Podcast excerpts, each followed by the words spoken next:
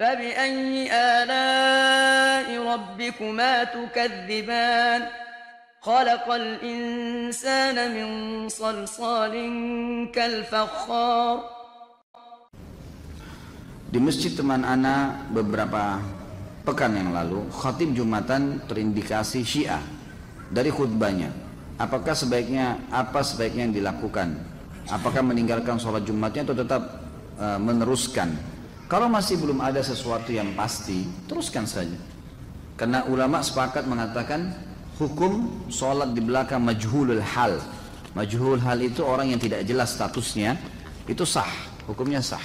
Kalau kita tidak tahu ya, kalau kita tahu orang itu musyrik, orang itu memang dasarnya sudah murtad atau memang orang yang sudah terindikasi akidahnya rusak dan kita tahu maka itu baru kita tidak boleh sholat di belakangnya, cari tempat lain. Tapi kalau kita tidak tahu maka hukumnya kembali kepada hukum asal. Ya. Jadi tidak perlu meninggalkan, cukup ya kerjakan saja kembali atau di, di, dianggap sah insya Allah. Jika imam pada saat sholat maghrib pada rakaat kedua lupa tahiyat awal dan makmum mengingatkan dengan kalimat subhanallah lalu imam turun tahiyat apakah makmum harus sujud sahwi sebelum dan sesudah salam kalau imamnya sujud sahwi maka ikut semuanya kalau imamnya tidak sujud sahwi maka tidak perlu ikut sujud sahwi gitu kan dan sujud sahwi ini teman-teman sekalian dilakukan kalau seseorang lagi sholat kan sahwi itu artinya lalai ya kelalaian itu kalau antum sudah pindah ke gerakan yang setelahnya. Misal, kita pas sujud, ternyata satu kali aja sujud gitu kan. Tiba-tiba kita berdiri. Subhanallah, pas kita duduk untuk berdiri ke rakaat yang setelahnya, kita teringat, kayaknya tadi sujudnya baru satu kali nih. Lalu kita sujud lagi, ini nggak butuh sujud sahwi. Tapi kalau antum sudah sempat berdiri, artinya sudah pindah ke gerakan yang setelahnya sudah sempurna, baru teringat ini aja sujud sahwi. Ini aja sujud sahwi. Sujud sahwi juga dengan dua cara. Ada yang dikerjakan sebelum salam, ada yang dikerjakan sudah salam. Kalau gerakan-gerakan yang keliru dalam sholat, lalai, lupa, gitu kan, teringat sebelum salam, misal antum pas rakaat keempat ragu, ini empat atau tiga ya, lalu antum tambah satu rakaat karena kalau kita ngingat, ya ragu tiga atau empat kita cari rakaat yang paling sedikit, ambil tiga misalnya. Kata Nabi SAW kalau kalian lupa tiga atau empat, pilihlah tiga karena kalau seandainya pun dia dia sholat lebih lima, maka empat rakaatnya sudah terpenuhi. Tapi kalau dia pilih yang ya lebih banyak, dianggap empat, ternyata kurang baru tiga, maka akan kurang sholatnya. Jadi kan kita dianjurkan memilih jumlah yang lebih sedikit. Nah kalau teringat seperti ini, sebelum salam, maka sujud sahwinya sebelum salam. Setelah baca tahiyat selesai, sujudlah dua kali dan bacaannya adalah bacaan-bacaan sujud. Ya, boleh juga ada bacaan khusus seperti misalnya bacaan yang dibaca sebenarnya dalam sujud juga ya. Ya Allah uh, Allah malaka raka Allah malaka sajadtu wa bika amantu wa laka aslamtu dan seterusnya. Itu ada doanya sendiri, bisa kembali kepada buku rujukan.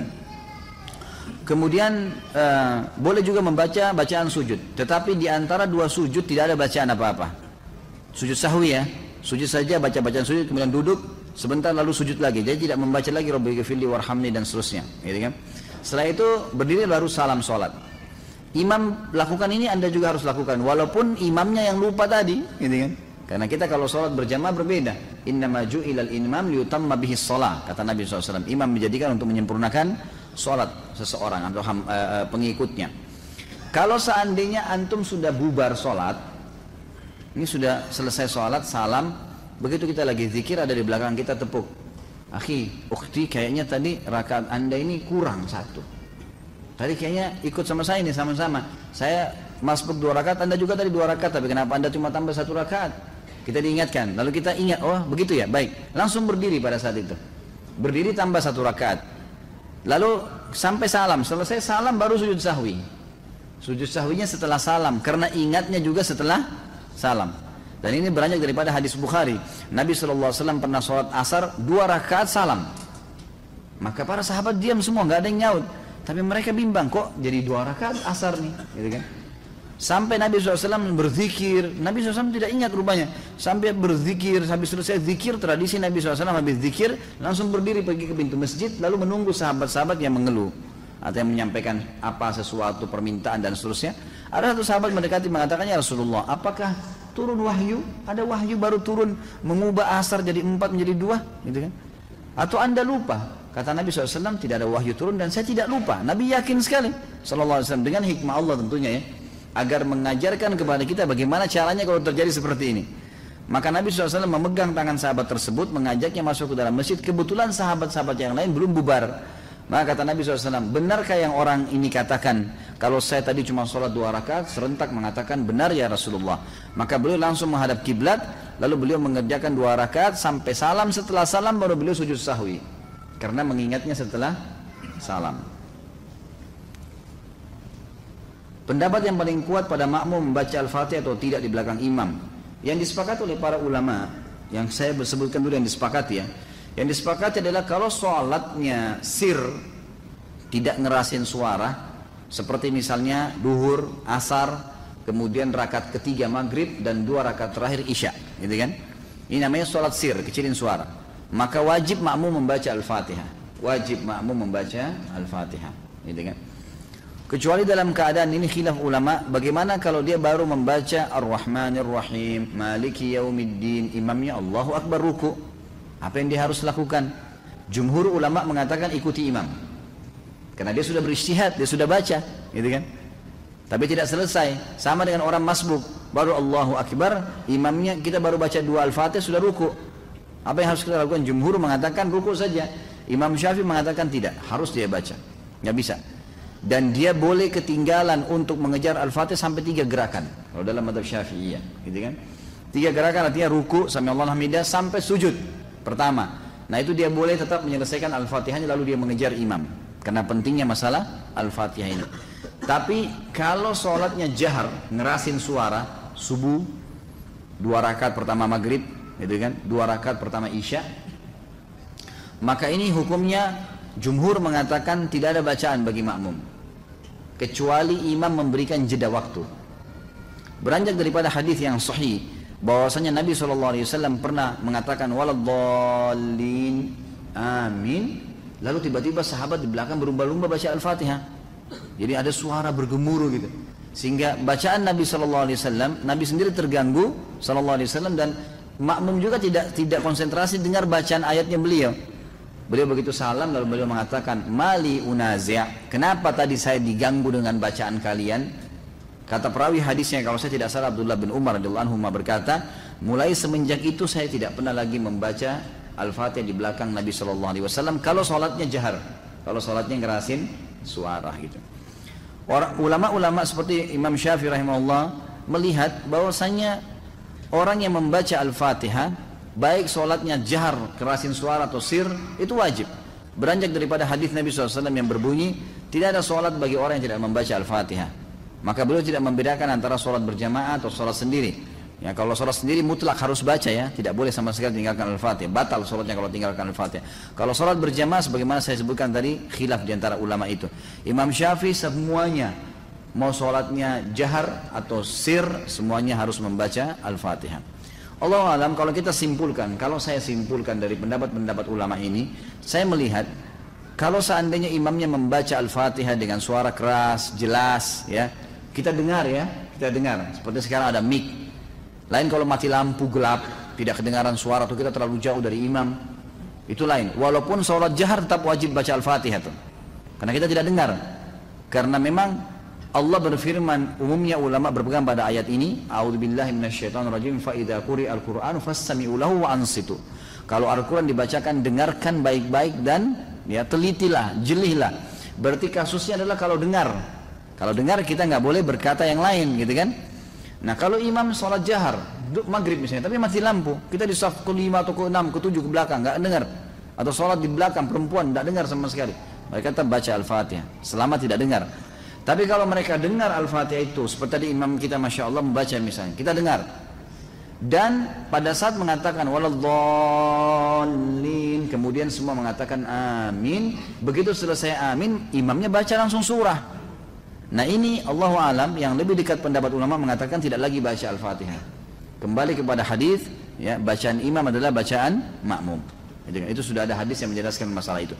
Tapi kalau imamnya jeli, imamnya jeli dan dia lebih faham masalah fikih menjadi imam adalah setelah waladhalin amin imamnya diam jedah tujuh ayat Al-Fatihah maka pada saat itu makmum silahkan baca gitu kan dia membacanya jadi ini tinggal tergantung bagaimana kondisi imam memberikan dia kesempatan. Allah a'lam.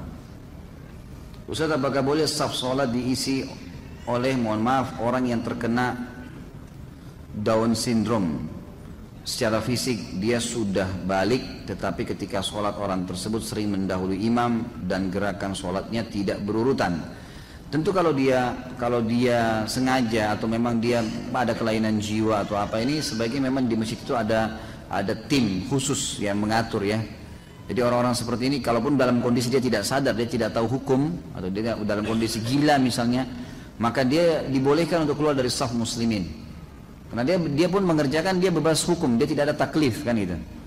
Tapi kalau memang dia hanya melakukannya karena tidak bisa tahan, karena memang masalahnya adalah sakit kakinya, dia akhirnya harus melakukan mendahului imam, maka solusinya kata ulama adalah dia boleh mengerjakan sholat sambil duduk, cari inisiatif yang dia tidak mendahului imam.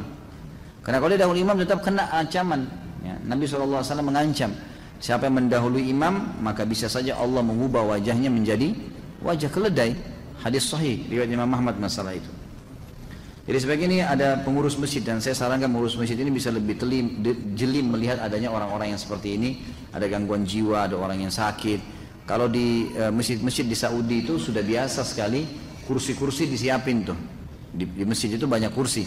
Jadi orang-orang tua yang tidak mampu e, untuk berdiri lama maka diambil kursi dan mereka sholat sambil duduk di saf. Itu sudah umum di masjid Nabawi di masjid Haram itu banyak sekali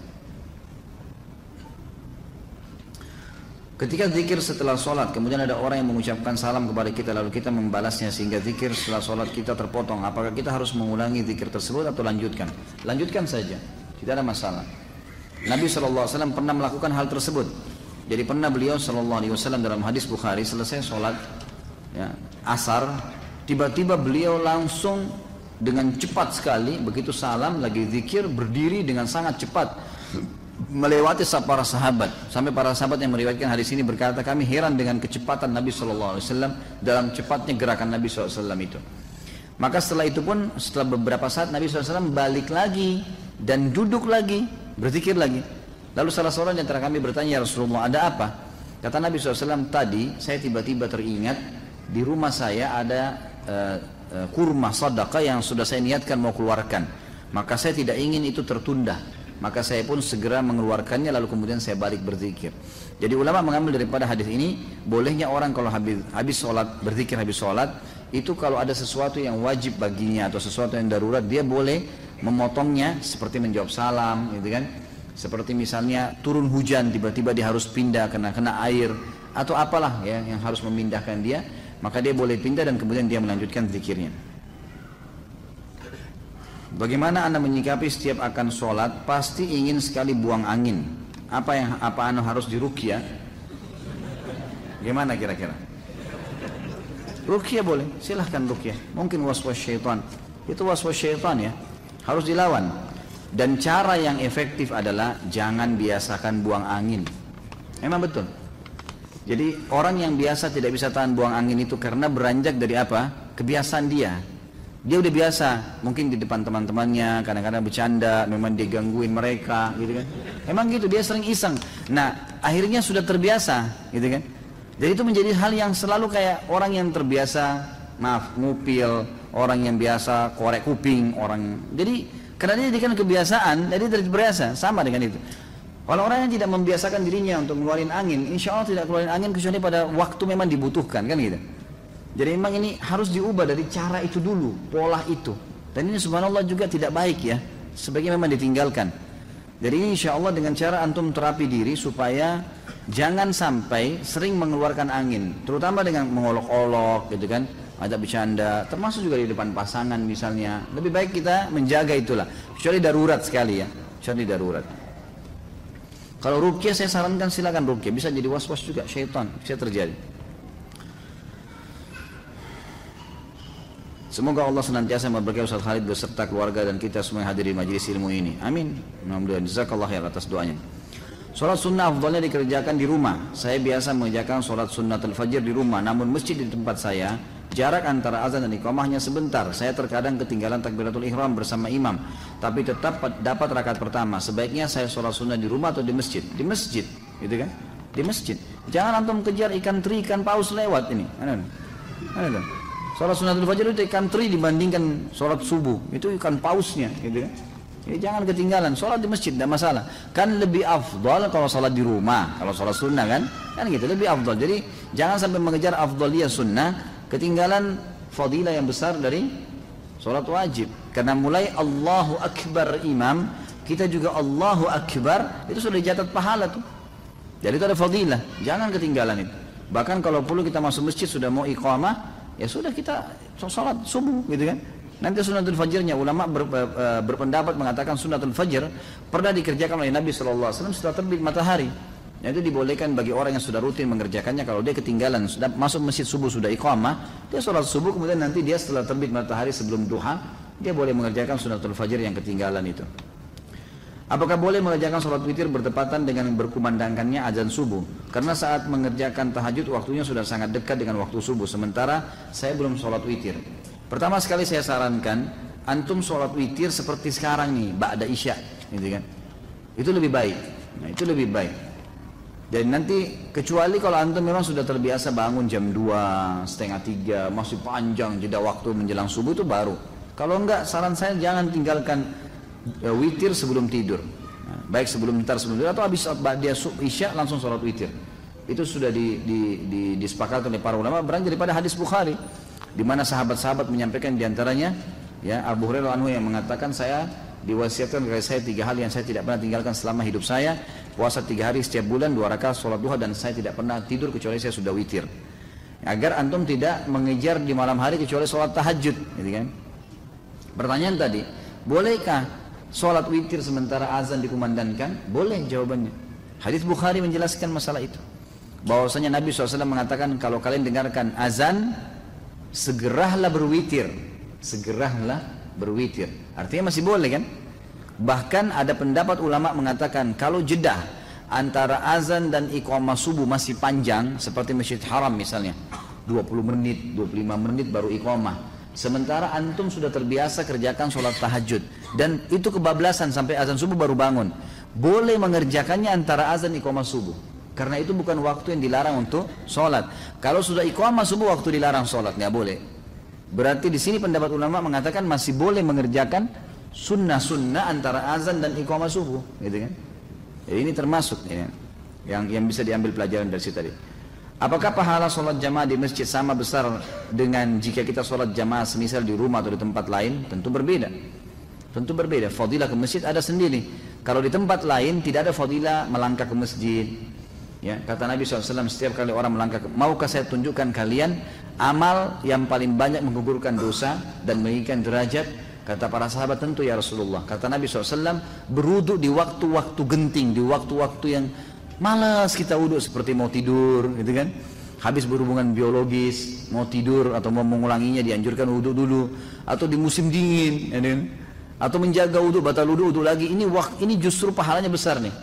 Dan banyaknya langkah kaki menuju ke masjid, ya kan? Berarti melangkah kaki saya sudah ada pahala.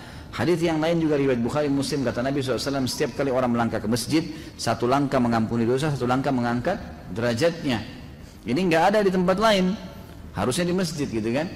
Kemudian ada hadis yang berbunyi siapa pun yang pergi ke masjid sholat setiap berjamaah di waktu subuh eh, waktu wajib sholat wajib ya maka setiap kali ke masjid dapat satu istana di surga setiap pulang satu istana di surga. Ini nggak ada di tempat lain gitu kan. Tinggal tentang masalah jamaahnya 25 kali lipat dapat pahala itu sama.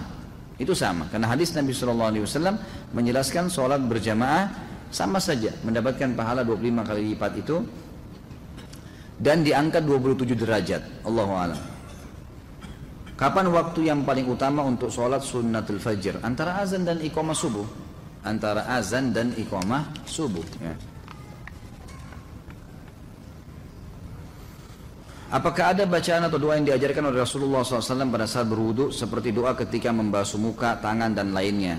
Saya yang saya tahu doa yang dibaca adalah pada saat memulai wudu itu hadis Bukhari membaca Bismillah pada saat mau memulainya gitu kan?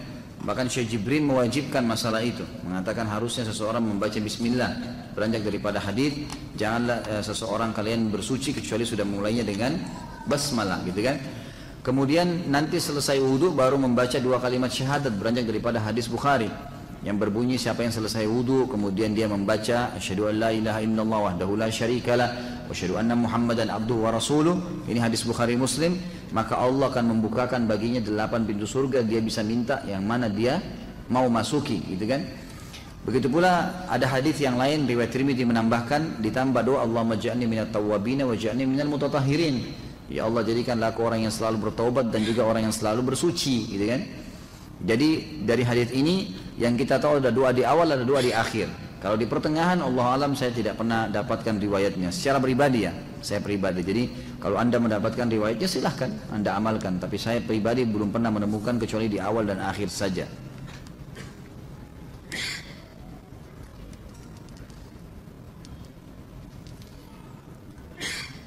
Eh, bagaimana hukumnya bersedekap melipat tangan kembali sesudah bangun dari ruku? Tadi kan sudah saya jelaskan ya. Boleh saja. Gitu kan? Bersedekap pada saat bangun dari ruku. Sami Allah iman hamida. Saya sudah sebutkan tadi kan khilaf di antara ulamanya. Jadi boleh kembali ke dada, boleh kembali ke sebelah paha kita.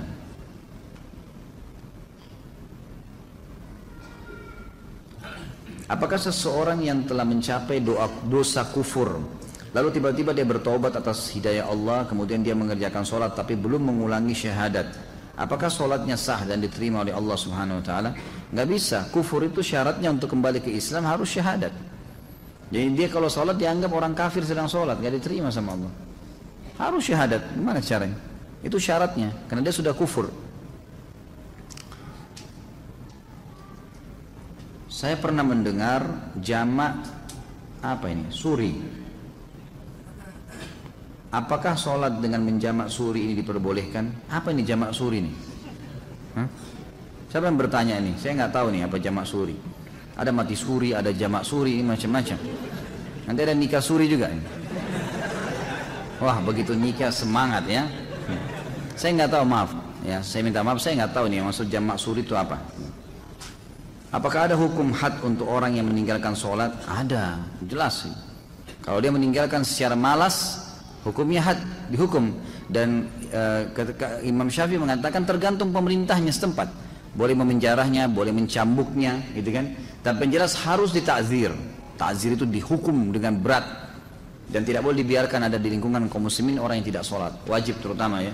Jadi tidak boleh sama sekali. Apakah zikir setelah sholat boleh dikerjakan sambil berjalan keluar masjid karena ada keperluan? Boleh saja. Nggak ada masalah. Tapi antum kehilangan ya, doa malaikat.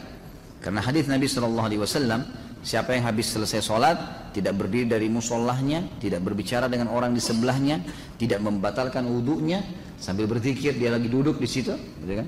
Dan ini saya sering sarankan para ikhwah yang saya yang hadir di pengajian saya agar jangan pindah tempat pun, mundur ke belakang pun jangan, biarin di tempat situ saja, zikir dulu. Karena pekah sekali hadis ini ya, Siapa yang tidak pindah dari musolahnya, yang tidak berdiri dari musolahnya, siapa yang tidak membatalkan wudhu dan tidak berbicara dengan orang di sebelahnya, maka malaikat di, di atas kepalanya mendoakan, Ya Allah ampuni dia, Ya Allah rahmati dia, sampai dia melanggar tiga hal tadi. Ini kehilangan. Makanya para ulama mengatakan biasanya syaitan menghiasi ya atau mengingatkan macam-macam pekerjaan kita sehingga kita terlewatkan dari doa malaikat ini. Maka jangan disia-siakan. Saya pernah zikir ikhwan dan akhwat sekalian pelan-pelan sekali zikir habis sholat itu 7 menit maksimal. 7 menit, 8 menit itu sudah selesai. Jadi cuma syaitan yang membebankan kita itu. Bagaimana hukumnya sholat orang isbal? Apakah sah? Khilaf di antara ulama tentang sah atau tidaknya, gitu kan? Tapi yang jelas sudah pernah kita jelaskan di dalam uh, dosa-dosa besar kita yang lalu ya, pernah ada penjelasan kalau uh, apa namanya ada hadis yang menjelaskan tidak sahnya atau disuruhnya mengulangi sholat uh, orang yang tertutup mata kakinya. Oleh Nabi SAW seseorang yang sedang datang. Bahkan Nabi SAW menyuruh mengulangi sama udu-udunya udu dan sholatnya. Waktu ditanya oleh para sahabat kenapa ya Rasulullah? Kata Nabi SAW karena mata kakinya tertutup. Ada yang melemahkan hadis ini ada yang menghasankannya gitu kan? Khilaf di antara ulama. Tapi kalau saya pribadi saya berpegang pada pendapat yang mengatakan memang batal sholatnya ya. Apakah seorang laki-laki yang tidak sholat berjamaah di masjid berdosa?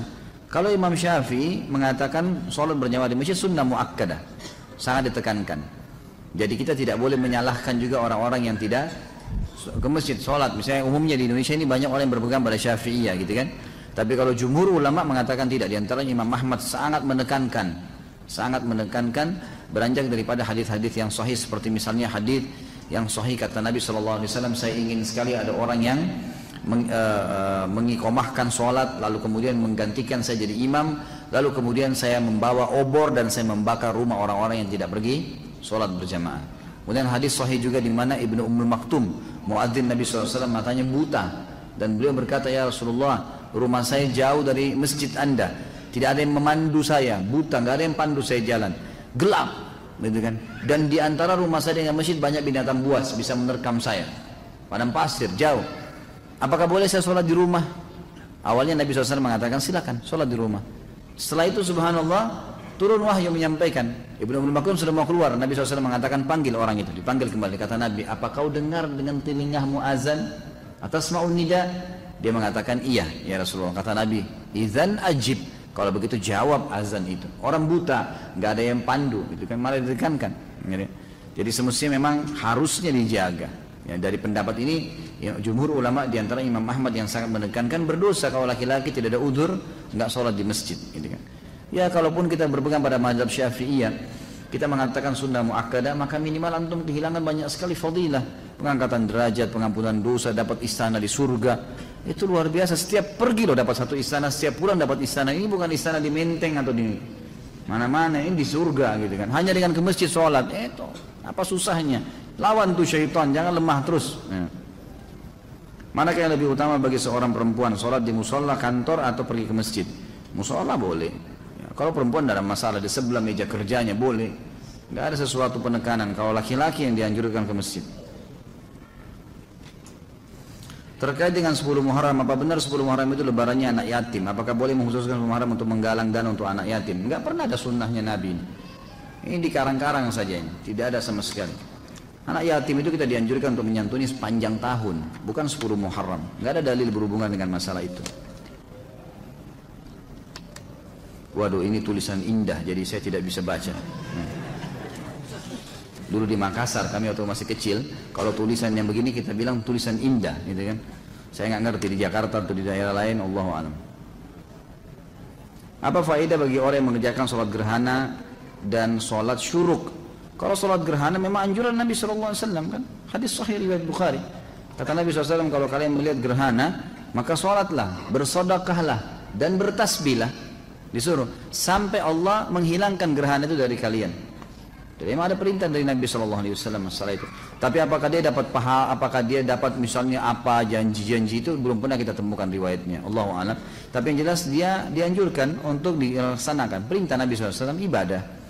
Kalau sholat syuruk hadis Nabi SAW, siapa yang sholat berjamaah di masjid hadis sahih riwayat Hakim, siapa yang sholat berjamaah di masjid, ya kemudian dia duduk berzikir sampai terbit matahari, kemudian dia sholat dua rakaat setelah itu ya, maka dia sama dengan pahala haji dan umroh sempurna sempurna sempurna gitu kan? Ini dikatakan oleh para ulama sholat syuruk.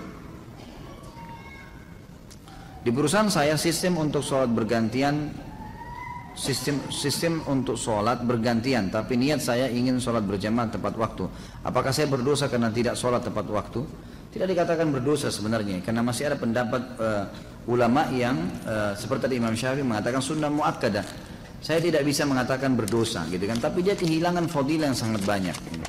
Jadi kalau bilang pun misal pun kita bisa mengambil awal waktu lebih baik. Kita pamit sama teman-teman misalnya kita dahulu gitu kan. Dan itu sholat juga tidak akan mengambil waktu lama. Saya juga sarankan begini, perlu difahamin ya. Terikat dengan jam kerja kantor, ya, itu wajib hukumnya karena antum mengikuti syarat Kata Nabi SAW, al-mu'minuna syurutihim. Al-mu'minuna ala syurutihim. Orang mukmin harus patuh dengan syarat yang disepakati. Misal, waktu istirahat jam 12 sampai jam 1. Azan setengah satu, gitu kan. Antum mulai masuk masjid sholat. Ternyata harus kembali sebelum jam 1. Misal 5 menit sebelum jam 1 ada absen lagi, misal contoh. Antum baru selesai sholat wajib, belum sempat sholat ba'diyah duhur, itu sudah jam 1 kurang 5 menit. Kalau sholat terlambat nih balik kerja, maka jangan sholat sunnah ba'diyah. Karena mentaati peraturan wajib. Sementara sholat sunnah itu sunnah, gitu kan?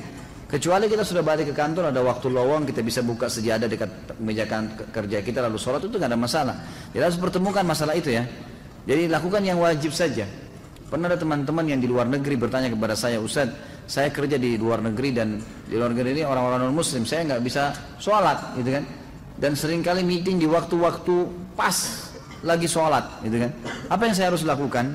Saya balik tanya begini, saya bilang kalau seandainya anda lagi meeting kemudian, mak, misal ini contoh, semoga Allah muliakan kita semua. Saya kasih contoh ini, uh, contoh orang mau ke kamar mandi, kebelet buang air besar, kebelet buang air kecil, lagi meeting, diizinin nggak? Nah, ini di sini, diizinin nggak kalau kebelet kencing, kebelet buang air besar? Meeting penting nih, miliaran, diizinin nggak? Ya nggak bisa berpikir kan kalau mau kencing gitu kan? Nggak mungkin, pasti diizinin ke belakang. Ya sudah, kita izinnya memberikan isyarat memang mau ke kamar mandi, betul kamar mandi kan? Ke kamar mandi dan orang saya bilang lagi kalau masuk kamar mandi lagi kebelet, pamit, lagi meeting. Kalau kita butuh waktu 10-15 menit diizinin nggak? Nggak mungkin kan tengah-tengah digedor-gedor, ayo cepat gitu kan. Nggak mungkin orang lagi buang air besar gimana. Dia harus selesaikan hanya kalau nggak sakit perut. Maka berarti bisa dipakai tuh untuk sholat tuh. Ini kalau darurat ya, sebab ada beberapa teman-teman yang pernah bertanya kalau sholat dari Jepang, dari negara-negara yang memang tidak bisa mereka sholat. Maka tidak ada juga musola. Bagaimana inisiatifnya? Ya saya sebagai dai harus bisa memberikan solusi nih. Kalau dia mau disuruh pulang, dia sudah terikat akad kerja di sana. Maka caranya adalah kayak tadi, pamit ke kamar mandi, memang mau kamar mandi. Uduk di sana, kemudian sholat, cari tempat yang bisa sholat di situ. Mungkin di gang, mungkin di mana, ya apa boleh buat, harus sholat. Sholat dah, sholat wajib 5 menit, 10 menit maksimal, udah kembali lagi. Tapi nggak usah dibeberkan, saya mau sholat ya pamit. Kemudian berantem kalau tidak disuruh sholat. Susah, anda sudah akad dengan orang kafir, gimana, nggak bisa gitu kan. Jadi ini namanya hiyal syariah. Harus kita mencari solusi secara syar'i yang memang kita tidak kehilangan pekerjaan dan juga tidak kehilangan ibadah itu. Apakah seorang muslim yang sebelumnya tidak rajin sholat bolong-bolong termasuk kafir? Apakah ia harus syahadat ulang dilihat uh, dan dilihat oleh saksi maksudnya? Enggak tentu. Kalau dia jahdan ya, kalau dia bangkang, nggak ada sholat, nggak ada hukum sholat itu. Saya nggak mau yakin maka itu baru kufur, dia syahadat. Tapi kalau dia cuma malas-malas enggak, enggak perlu. Taubat kepada Allah sudah, sekarang tinggal sholat. Mana yang lebih baik apabila ada udur berjamaah tapi menunda sholat atau akhir waktu, sendiri tapi di awal waktu. Tentu saja di awal waktu, walaupun sendiri. Tentu saja di awal waktu. Masya Allah, ini belum saya baca ini. Hah? Jam berapa kita mau selesai? Masya Allah. Ini selama dua tahun, satu tahun ini nggak selesai-selesai pertanyaannya. Hah? Kok kayak balas dendam kalau ketemu saya nih?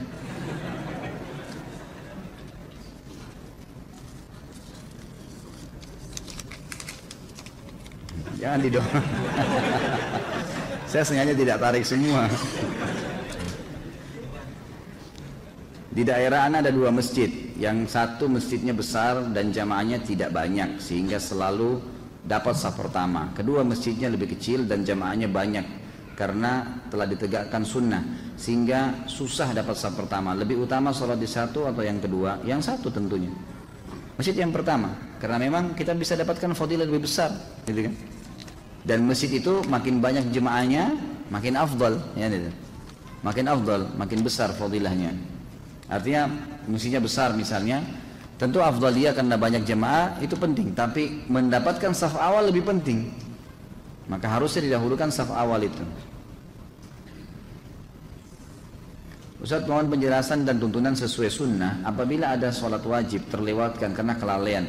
Apakah seseorang yang meninggalkan sholat pada waktu yang ditentukan masih dapat mengerjakan sholat yang tertinggal? Tertinggal itu di waktu sholat yang selanjutnya. Kalau dia lalai di sini dalam arti kata lupa itu boleh dikerjain misal Pas kita lagi sibuk, tersibukkan, semoga saja tidak tidak terjadi ya. Ada orang tersibukkan dengan urusan dunianya, kemudian azan asar baru dia sadar, oh ternyata saya belum sholat duhur nih, gitu kan. Maka apa yang harus dia lakukan? Boleh kalau dia sholat duhur? Boleh, nggak ada masalah. Tapi kalau dasarnya dia tahu nih duhur sudah masuk, dia nggak mau sholat, memang nggak mau dah, memang sudah nggak sholat. Begitu azan asar, temannya ajak, ini sholat yuk. Kamu udah tahu belum ada hadis begini, begini, begini, begini. Tersentuh dia, dia mau sholat. Tapi tadi dia sudah tinggalkan duhur secara sengaja, ini nggak boleh lagi dia sholat. Karena sudah memang ditinggalkan secara sengaja sama dia. Saya pernah membaca sebuah hadis riwayat Ibnu Abbas radhiyallahu anhu yang menjelaskan tentang tidak bolehnya menahan pakaian pada saat sholat. Apakah hadis itu sahih? Apa maksud dari kata menahan pakaian? Mohon penjelasannya. Saya tidak tahu, maaf. Saya belum tahu sampai ke situ tentang masalah hadis menahan pakaian. Yang saya temukan malah hadis Abu Bakar radhiyallahu anhu yang sahih di mana Abu Bakar berkata ya Rasulullah saya uh, orang yang tidak bisa sholat kecuali saya menahan pakaian saya. Karena kalau tidak dia melorot gitu kan. Apakah itu membatalkan sholat saya? Apakah itu termasuk sombong? Kata Nabi SAW itu tidak termasuk. Ya, berarti di sini kan ada masalah kasus menahan tapi saya tidak tahu kalau yang riwayat Ibnu Abbas ini Bagaimana tuntunan sahih untuk kondisi makmum yang masbuk namun tidak mendapat bacaan Al-Fatihah imam sholat? Apakah makmum tersebut masih mendapatkan hitungan satu rakaat penuh? Yang kuat pendapat iya, dia masih mendapatkan. Walaupun sholatnya sir. Kalau orang memang masbuk ya, beda orang yang datang dari awal tapi lalai tidak baca Al-Fatihah. Nah itu baru bisa, di, bisa, di, bisa dibahas dalam bahasan lain.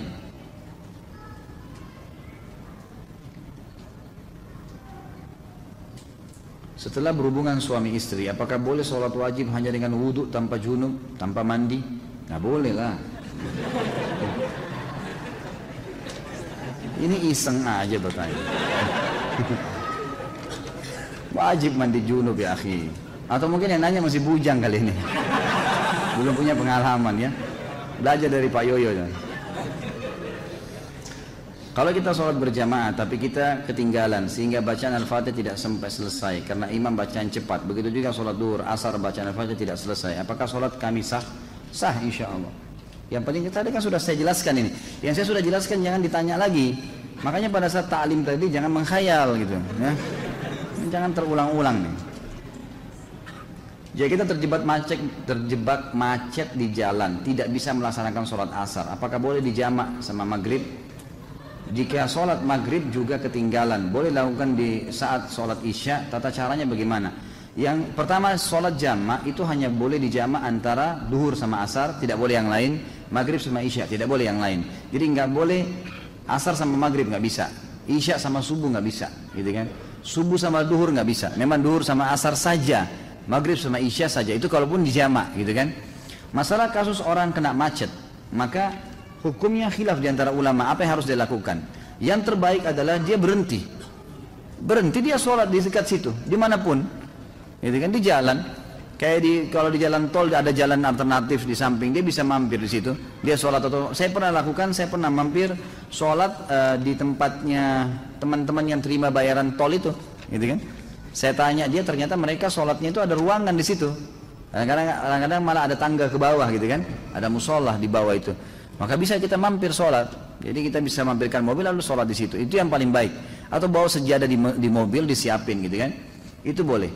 Ada sebagian ulama yang menarik bolehnya sholat di mobil kalau dalam keadaan darurat sekali. Sama hukumnya dengan orang sholat di pesawat, di kereta api. Kalau emang kita terjebak di satu tempat, lagi ada peperangan, lagi ada macet total, emang nggak bisa ditinggali mobil, orang jalan-jalan sedikit-sedikit ini nggak bisa. Maka daripada kehilangan waktu, lebih baik dia sholat sambil duduk. Tapi ini tidak di tidak diprioritaskan. Prioritaskan adalah mampir. Ya, itu. Apakah ada riwayat sholat uh, saat Nabi SAW mengimami para nabi? Itu disebutkan oleh para ulama berhubungan dengan masalah sholat, uh, kasus Isra Mi'raj ya.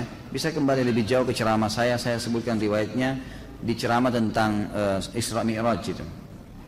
Apakah Nabi SAW pernah melakukan sholat tasbih? Kalau pernah, bagaimana tata cara dan bacaan tas sholat tasbih Nabi SAW? Kalau Nabi sendiri pernah kerjakan, Allah alam, tidak ada riwayat masalah itu. Tapi umumnya semua yang disebutkan oleh Nabi SAW kata ulama disepakati pastinya Nabi SAW sudah mengaplikasikan terlebih dahulu. Karena Allah sudah menjelaskan dalam Al-Quran. Kaburam maktan indallah takulu ma'ala tafa'alun. Sungguh berat di sisi Allah kalau kalian mengucapkan tidak mengamalkannya. Sementara Nabi SAW adalah panutan pasti beliau sudah amalkan tapi hadis tentang sholat tasbih dihasankan oleh para ulama dan boleh dilakukan itu beranjak daripada perkataan Nabi kepada pamannya Abbas radhiyallahu anhu Nabi SAW mengatakan wahai paman kalau kau diulangkan waktu oleh Allah kerjakanlah setiap hari sekali kalau kau tidak bisa maka sepekan sekali. Kalau kau tidak bisa maka sebulan sekali. Kalau kau tidak bisa setahun sekali. Kalau kau tidak bisa kerjakanlah sekali seumur hidupmu. Maka kerjakanlah dua rakaat sholat. Ada riwayatnya mengatakan empat rakaat sholat. Di setiap sholat begitu kamu takbir paman ucapkanlah subhanallah alhamdulillah wala ilaha illallah wallahu akbar sebanyak 15 kali. Kemudian bacalah setelah itu iftitah baca al-fatihah baca surah. Kemudian pada saat ruku sebelum baca dua ruku membaca 10 kali tasbih tadi. Kemudian dua ruku kemudian bangun dari ruku sami Allah liman hamidah itidal baca dulu tasbih 10 kali kemudian baru baca dua itidal. Sujud juga begitu. Pada saat sujud maka baca dulu 10 kali baru kemudian baca dua sujud. Duduk di antara dua sujud baca 10 kali lagi tasbih kemudian baru membaca doa di antara dua sujud lalu sujud baca lagi tasbih 10 kali kemudian baca dua sujud lalu kemudian sebelum berdiri ke rakaat kedua duduk dulu baca 10 kali. Ya, jadi kurang lebih ada 75 kali bacaan dalam satu kali eh, satu atau satu rakaat. Selebihnya seperti sholat biasa. Saat kita masuk sholat id satu rakaat. Saat menyempurnakan rakaat berikutnya berapa kali takbir yang harus kita lakukan? Ikuti rakaat yang sedang anda ada. Jadi misal kita masbuk nih sholat id. Dia sudah rakaat kedua imamnya kita ikut. Tadinya dia takbir imamnya lima kali gitu kan? Karena dia rakaat kedua kita kan ikut imam juga takbir lima kali. Kita nggak mungkin takbir tujuh kali. Rakaat kedua kita juga takbir lima kali sama. Sama saja karena kita mengikuti imam di rakaat pertama tadi dia sudah ke rakaat kedua. Seperti kita kalau lagi sholat umumnya sholat lain. Kita ikut imam sudah rakaat ketiga misalnya di sholat maghrib. Imam kan tahiyat pertama tahiyat terakhir kan kita juga harus tahiyat kan gitu. Di rakaat kedua setelah imam salam, kita rakaat kedua harus tahiyat, tahiyat juga kan gitu. Seperti itu caranya. Jadi tetap mengikuti kondisi imam. Bolehkah bermakmum dengan imam yang isbal? Sudah tadi ya. Apa hukumnya jika sudah terlanjur sholat? Dan apa saran Ustadz ketika Oh ini sudah masalah isbal tadi ya. Baik.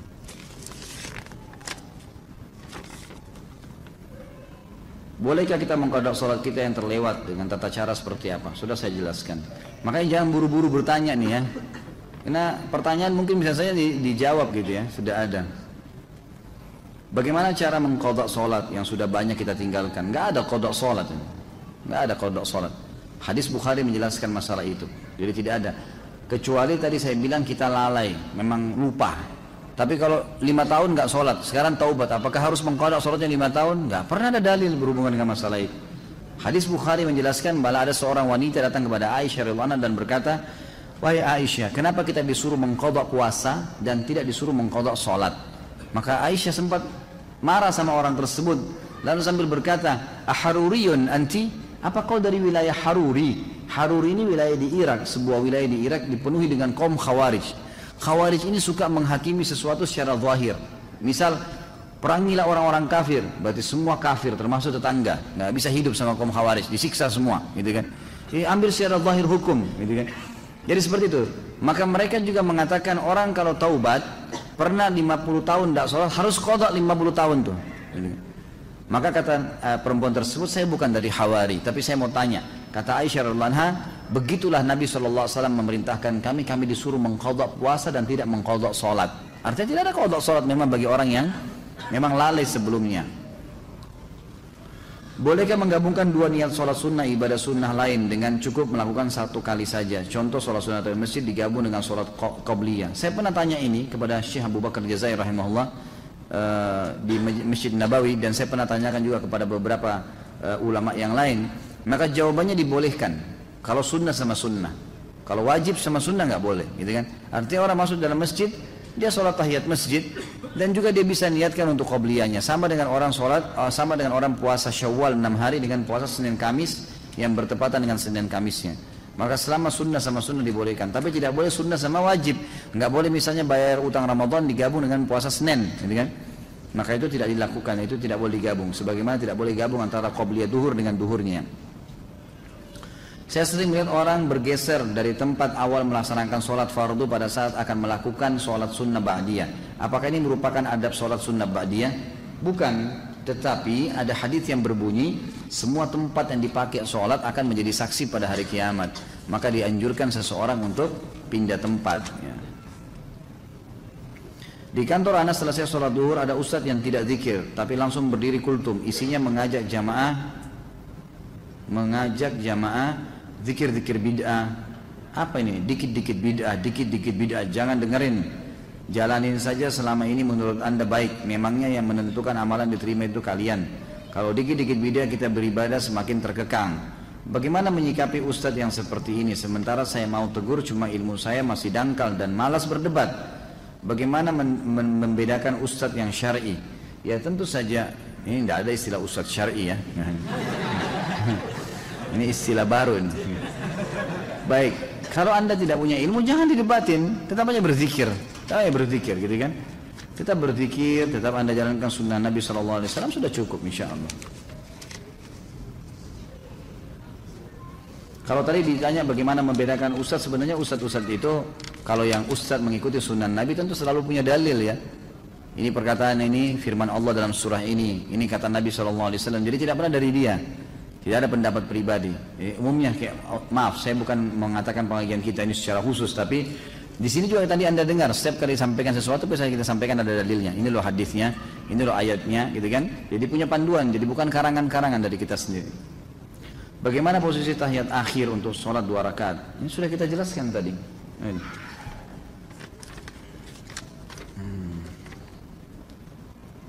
Apakah tidak merapatkan kaki ketika sholat berjamaah dapat mengukurkan pahala sholat berjamaah walaupun jarak antara pundak sudah rapat? Tentu tidak. Tapi membuat syaitan masuk dan membuat tidak khusyuk. Itu jadi tidak mengukurkan sholat. Karena anak ada udur di mana kalau jari kaki bersenggolan dengan benda-benda dalam hal ini jari kaki saudara di sebelah merasa risih sebab anak pernah ada pernah ada riwayat operasi penyakit saraf tulang belakang sehingga jari-jari kaki menjadi sensitif dan apakah termasuk isbal jika anak menggunakan kaos kaki ketika sholat berjamaah karena dengan menggunakan kaos kaki anak merasa lebih nyaman dari gesekan karpet dari bersentuhan dengan jari orang lain Anda jadi khawatir terhadap ikhwan kita yang seolah-olah terus ingin mengejar jari kaki saya atau jari jari kaki saudara di sebelahnya karena ditakutkan malah akan menjadi menjadikan sholatnya menjadi tidak khusyuk. Ya. Baik, tentu saja kalau anda punya udur syari ya lakukan pakai kos kaki dan itu bukan isbal. Isbal itu adalah pakaian dari atas ke bawah, menggulurkan mengulurkan pakaian dari atas ke bawah. Kalau dari bawah ke atas enggak. Kaos kaki maksudnya itu tidak. Tapi kalau kita memang dari atas kita pakai ya, atau kita pakai kemudian dia terulur seperti celana, baju itu semua baru masuk. Hadis Nabi SAW yang berbunyi isbal itu di imamah, ya di pakaian, ya, celana itu masuk dalam isbal gitu. Dikarenakan saat ini waktu subuh 4.15, apakah boleh kita ketika kita terlambat bangun, misal jam 5, kita melakukan sholat sunnah dua rakaat sebelum subuh? Tentu tidak boleh. Kalau sudah iqamah, subuh nggak boleh lagi. Anda kerjakan nanti setelah terbit matahari. Apa pahalanya kalau kita mengislamkan seseorang? Oh ini tidak sesuai dengan tema. Dapat pahala lah tentunya. Ya, selama dia berbuat kebaikan, selama dia mempelajari agama, insya Allah anda dapat pahalanya. Dan hadis Nabi SAW kepada Ali bin Abi Thalib pada saat perang Khaybar, gitu kan?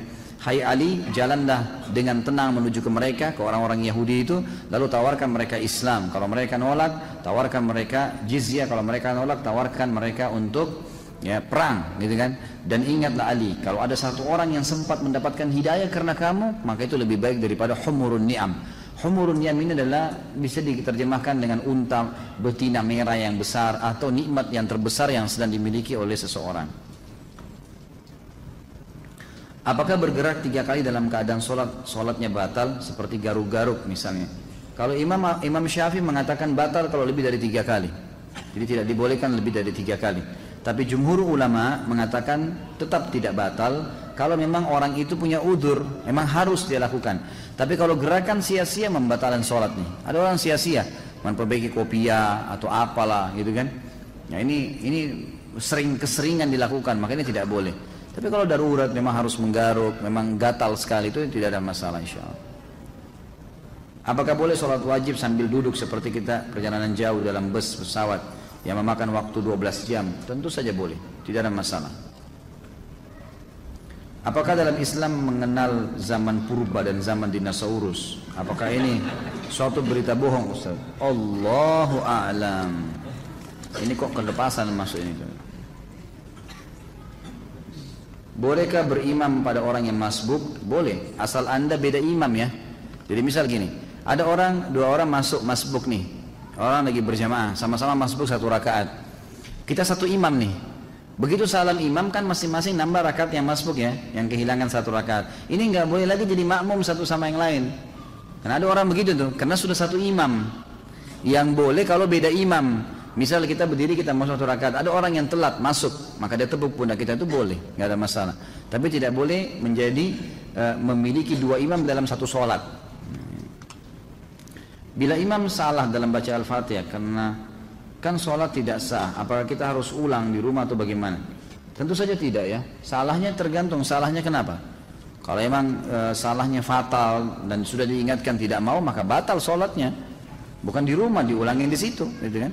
Tapi kalau memang dia lupa kemudian diingatkan atau mungkin ada kesalahan tajwid yang diingatkan lalu dia tidak lakukan maka tetap sah saja. Beranjak daripada hadis sholat, eh, hadis Nabi SAW yang sahih yang berbunyi kalau kalian sholat dengan imam, kalau imam benar dia akan panen pahala kalian dan kalian akan dapat pahala kalian masing-masing dan kalau dia salah dia akan berdosa dihukum sama Allah dan sholat kalian benar. Sholat kalian benar. Apakah boleh sholat Jumat di dalam kereta api? Soalnya saya pernah melihatnya ketika saya dalam perjalanan menuju kampung halaman. Musafir nggak ada Jumat baginya, nggak usah sholat Jumat gitu kan? Kalau musafir nggak usah sholat duhur asar di jamak saja. Setelah sholat hajat, petunjuk dari Allah itu berupa apa? Nggak ada sholat hajat ini. Yang ada sholat istikharah. Ya, Sholat hajat setahu saya tidak ada hadisnya lemah sekali bahkan ada hadis yang palsu gitu kan. Jadi yang ada adalah sholat uh, istikharah. Istikharah sama sebenarnya ya. Karena kita meminta petunjuk dari Allah SWT itu ada hadis sahihnya. Tentang tawakal, pertanyaan Ibnu Rajab rahimahullah bahwa tidak ada yang memberi, menghalangi, mendatangkan bahaya dan mendatangkan manfaat kecuali Allah SWT. Hadis di atas sahihkah? Saya tidak tahu. Ya. Baik, dua pertanyaan lagi ya. Sabar yang sudah lipat-lipat tasnya. Hmm. Apakah seorang muslim meninggalkan sholat termasuk golongan orang munafik? Tidak kita tidak bisa kita katakan munafik, tapi ada ciri kemunafikan padanya. Karena orang munafik meninggalkan sholat atau berdiri sholat dengan malas. Di mana batasan seorang muslim dikatakan kafir apabila dilihat dari hadis riwayat Tirmidzi dan Nasai dan Ibnu Majah menyebutkan sabda Nabi SAW perjanjian antara kami dan mereka orang kafir adalah sholat. Karena barang siapa meninggalkannya maka sungguh dia telah kafir. Yang dimaksud di sini adalah perilakunya perilaku kafir, meninggalkan sholat. Makanya ulama mesti rincikan, meninggalkan sholat secara jah dan tadi membangkang baru kufur, gitu kan? Harus syahadat. Tapi kalau dia cuma malas-malas tidak masuk. Ibnu Umar menjelaskan makna daripada hadis ini adalah kalau dia cuma malas-malasan, dia mendapatkan dosa kufur tapi tidak sampai pada kufur. Kufurun duna kufrin istilahnya, gitu kan?